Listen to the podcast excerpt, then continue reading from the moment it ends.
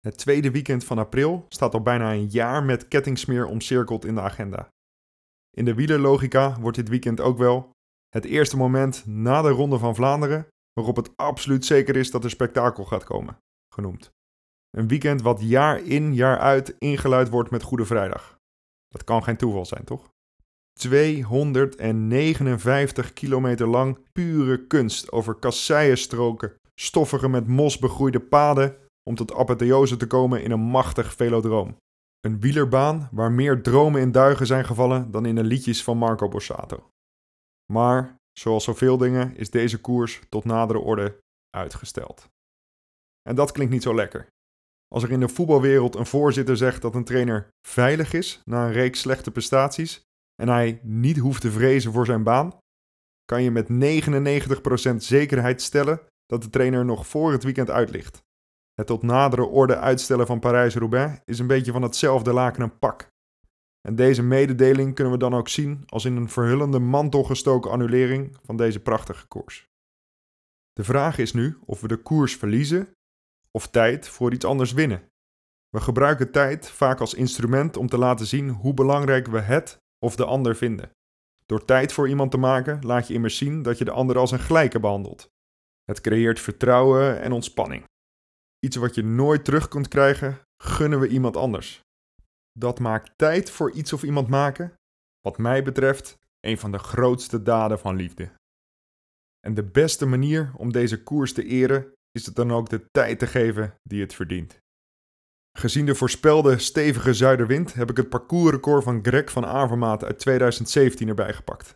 Met een gemiddelde snelheid van 45,2 km per uur levert dat iets meer dan 5 uur en 40 minuten koers op. Waar vooruitblikken doorgaans gebeurt vanuit de kennis die je al denkt te hebben, is het dus goed mogelijk om vooruit te kijken en als een gesoigneerde Nostradamus een voorspelling over het koersverloop te doen. En zo geschiedde. Borrelend van fantasie en verlangen werd het een koers van 5 uur, 46 minuten en 17 seconden. Bijna 6 uur heb ik op een zonovergoten bankje gezeten op de dam, zwijmelend en starend naar de kinderkopjes van de Paleisstraat. Vooruitkijkend en fantaserend met een heimweezoet randje. Wil je weten hoe Parijs-Roubaix 2020 verlopen is? Luister verder. Kant hier eh, gaat hij erover, gaat hij erover, gaat hij midden, gaat hij midden, of is het bot? Het is Van Aert! Het is Van Aert! En nog blijft hij dat reusachtige verzet rondmalen. right now. Oh, this is absolutely fantastic. What a finale. In fact, I'm asking myself. It's going to be a huge win. Oh, look at Van Vleuten. Inimaginable, inimaginable. Christopher Froome est à pied. Boss yet again. On any terrain she wins. Marianne Vos. Aanklampen, wat harken op eh, die klim. Maar dan beseffen, als de rest gaat zitten, dan ga ik door. Stoempende vedettes, elegante gesoigneerde hardrijders, snokkende Colombianen en hopeloos gelosten. De koers is meedogenloos, ongrijpbaar en heroïs tegelijkertijd. En het is niet hij die het meest gekoerst heeft, maar hij die de koers het meest geproefd heeft, die zich in de magie van het wielrennen kan wanen. Dit is Chas Patat, uw wekelijkse portie wielerverhalen vanuit Watcycling. Van legendes uit de kopgroep tot mythes uit de staart van het peloton. En alles ertussenin. Mathieu in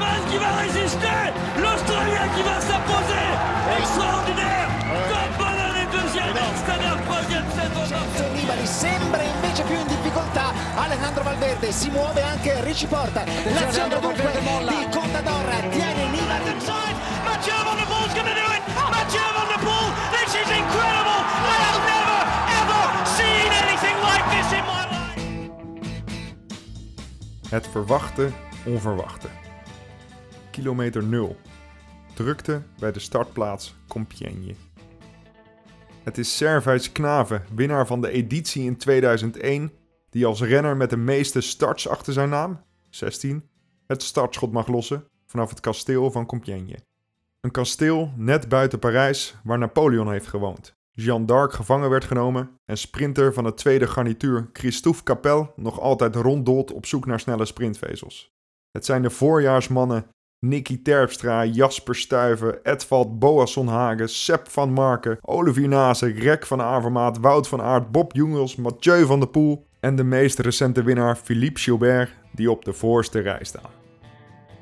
Bij het lossen van het startschot geraakt de flodder uit het startpistool dwars door het frame en voorwiel van Mathieu van der Poel. Na kort overleg door de jury en ploegleiders wordt besloten om, onder het mom van eerlijk koersen, Van der Poel te laten starten op de stadsfiets van een toeschouwer. Enkele minuten na half 1 zijn de renners dan echt weg voor de 118e editie van Parijs-Roubaix.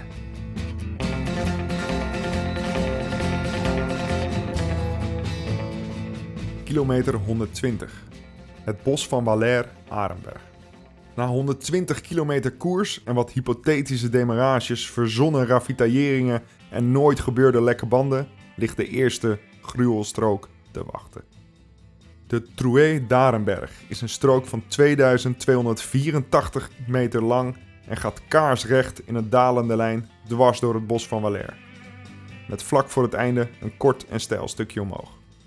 Het zijn de kuiten van Peter Sagan die hier tweemaal zo groot worden en het is Primoz Roglic die deze strook in de wintermaanden voor het schansspringen gebruikt. Waar Johan Museeuw in 1998 ten val kwam en zijn knieschijf brak, Philippe Gaumont in 2001 zijn dijbeen, is het nu Jascha Sutolin van team Sunweb die een smakkerd van je welste maakt. Met twee ontwrichte onderbenen krijgt hij van ploegleider Mark Reef een handbike van de volgwagen aangereikt en probeert Jascha als een soort Jetse plats weer aansluiting te vinden met het peloton. Het is ploeggenoot Niels Eekhoff, ooit 15 minuten wereldkampioen bij de belofte, die tegen de orders van de ploegleiding in de kopmannenrol op zich neemt en een demarrage plaatst. Hij pakt sterend tussen de auto's van de reclamekaravaan een voorsprong van 43 minuten. Niet veel later wordt hij gedisqualificeerd en uit koers gehaald. Kwaad als hij is, stapt hij de ploegauto in en vult op zijn iPhone met barst in het scherm zijn Wikipedia-palmares aan. Niels Eekhoff, bijna een uur lang winnaar van Parijs-Roubaix 2020.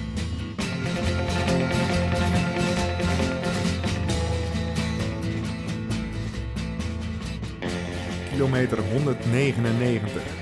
Geliefd en gevreesd. Met bijna 200 kilometer op de teller gaat de spanningsmeter gelijkmatig met de benen en de koppies nog dieper in het rood. De 5 sterrenstrook van Mont-en-Pévelé nadert. Wanneer men in het groene boekje erbarmelijk opzoekt, krijgt men een foto van deze strook te zien.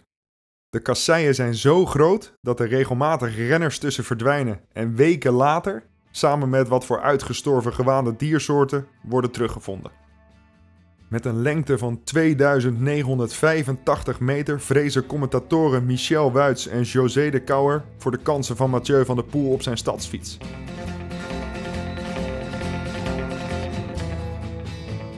Hij is al een poosje niet gezien vanuit de helikoptercamera en het is wachten op stabiel beeld vanaf de motor.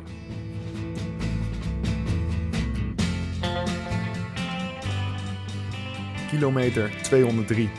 Hij leeft! De Poelianen, of hoe je Mathieu's volgelingen ook mag noemen, kunnen opgelucht ademhalen. Het was even zoeken in het peloton, maar hij zit er nog. De kettingkast is inmiddels van de stadsfiets gerammeld en ook het achterspartbord loopt aardig aan. Maar vooralsnog is hij fris genoeg om de boodschappen, die nog in de fietstassen aanwezig waren, uit te delen aan zijn ploeggenoten in het peloton.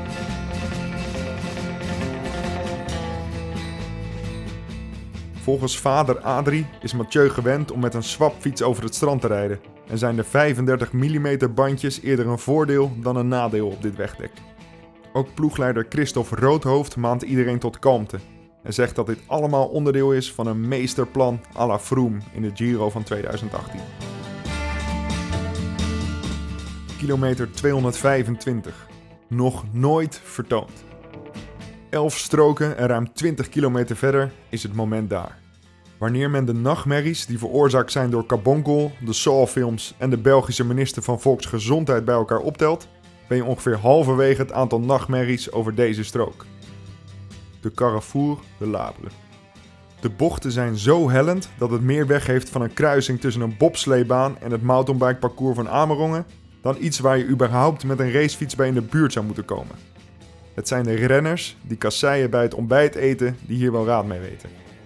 Stibar, Matteo Trentin en wonderkind Quinn Simmons leiden deze hobbelige dans. als daar plots vanuit het raam van Café Auberge de Labre een soort touw opduikt. Met een reeks aan elkaar geknoopte binnenbanden, die in dit tubeless tijdperk nagenoeg overbodig zijn geworden, spant zich een koord vanaf een boom aan de ene kant naar het café aan de andere kant. Daar in dat café zit Tom Bonen met een vers getapte kwaremond in het kozijn en roept het codewoord Ketone!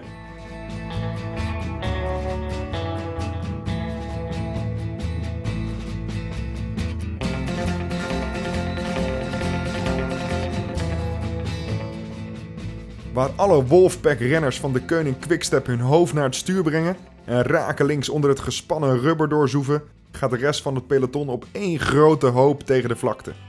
Alleen de zingende Nicky Terpstra van Totaal Direct Energie lijkt zijn oude ploeggenoten gesproken te hebben en ontspringt deze dans.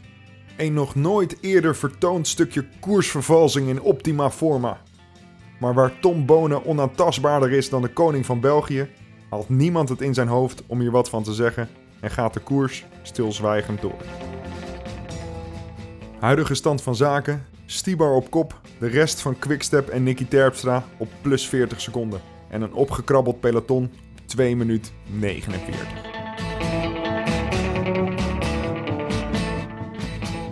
Kilometer 258. La Grand Finale. Het is zoals verwacht Stibar die onder luid gejoel van het publiek als eerste de piste van Roubaix opdraait voor de laatste twee ronden. Gaat deze Tsjechische mastodont na tweemaal zilver nu eindelijk dit prachtige monument binnenslepen? Podium Miss Alizé doet nog even lippenstift op en oefent de laatste pasjes van haar speciale choreografie voor een Tsjechische overwinningsdans. Als daar het verwachte, onverwachte plaatsvindt. Het is Mathieu van der Poel die op een nog verder afgetakelde stadsfiets op een halve ronde de piste als tweede op komt rijden. Met niemand minder dan Greg van Avermaat op de bagagedrager en Nicky Terpstra op de stang komt hij de houten latten van het velodroom opgezoefd.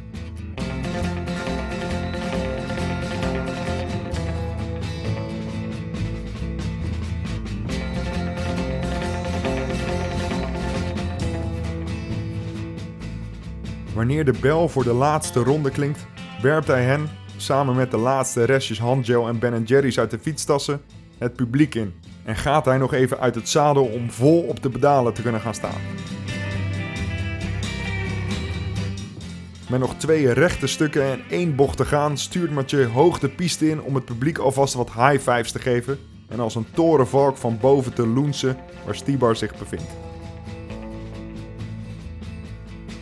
Met een karakteriserende duik, zoals we het hem vaker hebben zien doen op de mountainbike of crosser, duikt hij naar beneden om langs de Côte d'Azur te jagen op het wiel van Stibar.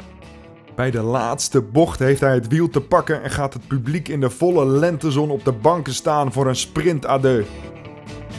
Die laatste paar seconden lijken een eeuwigheid te duren, maar het zijn de oma fietsbanden van Mathieu die net iets dikker zijn dan de S-Works turbo bandjes van Stibar en op de fotofinish het verschil maken.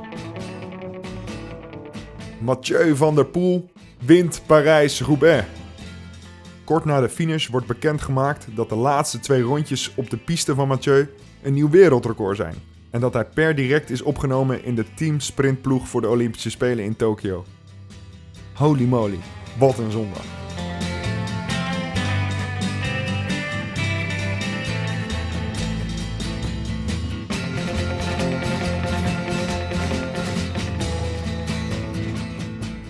Waar 2020 het jaar van Mathieu van der Poel, vliegende auto's en vakantiereizen naar de maan moest worden, moeten we doen met retro troostkoersen, leren we handen wassen en slaat hier en daar de verveling toe.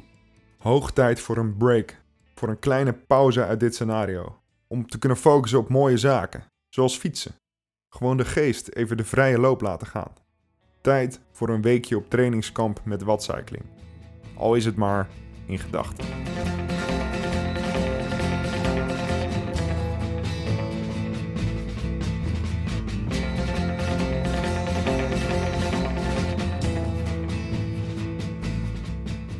Bedankt voor het luisteren naar Chas Patat. Abonneer je op het Chas Patat kanaal om op de hoogte te blijven van nieuwe afleveringen. En het helpt ons ook weer om gevonden te worden door nieuwe luisteraars. Lees je liever zelf? Ga dan naar watcycling.nl slash chas-patat. Want het is de streep die telt.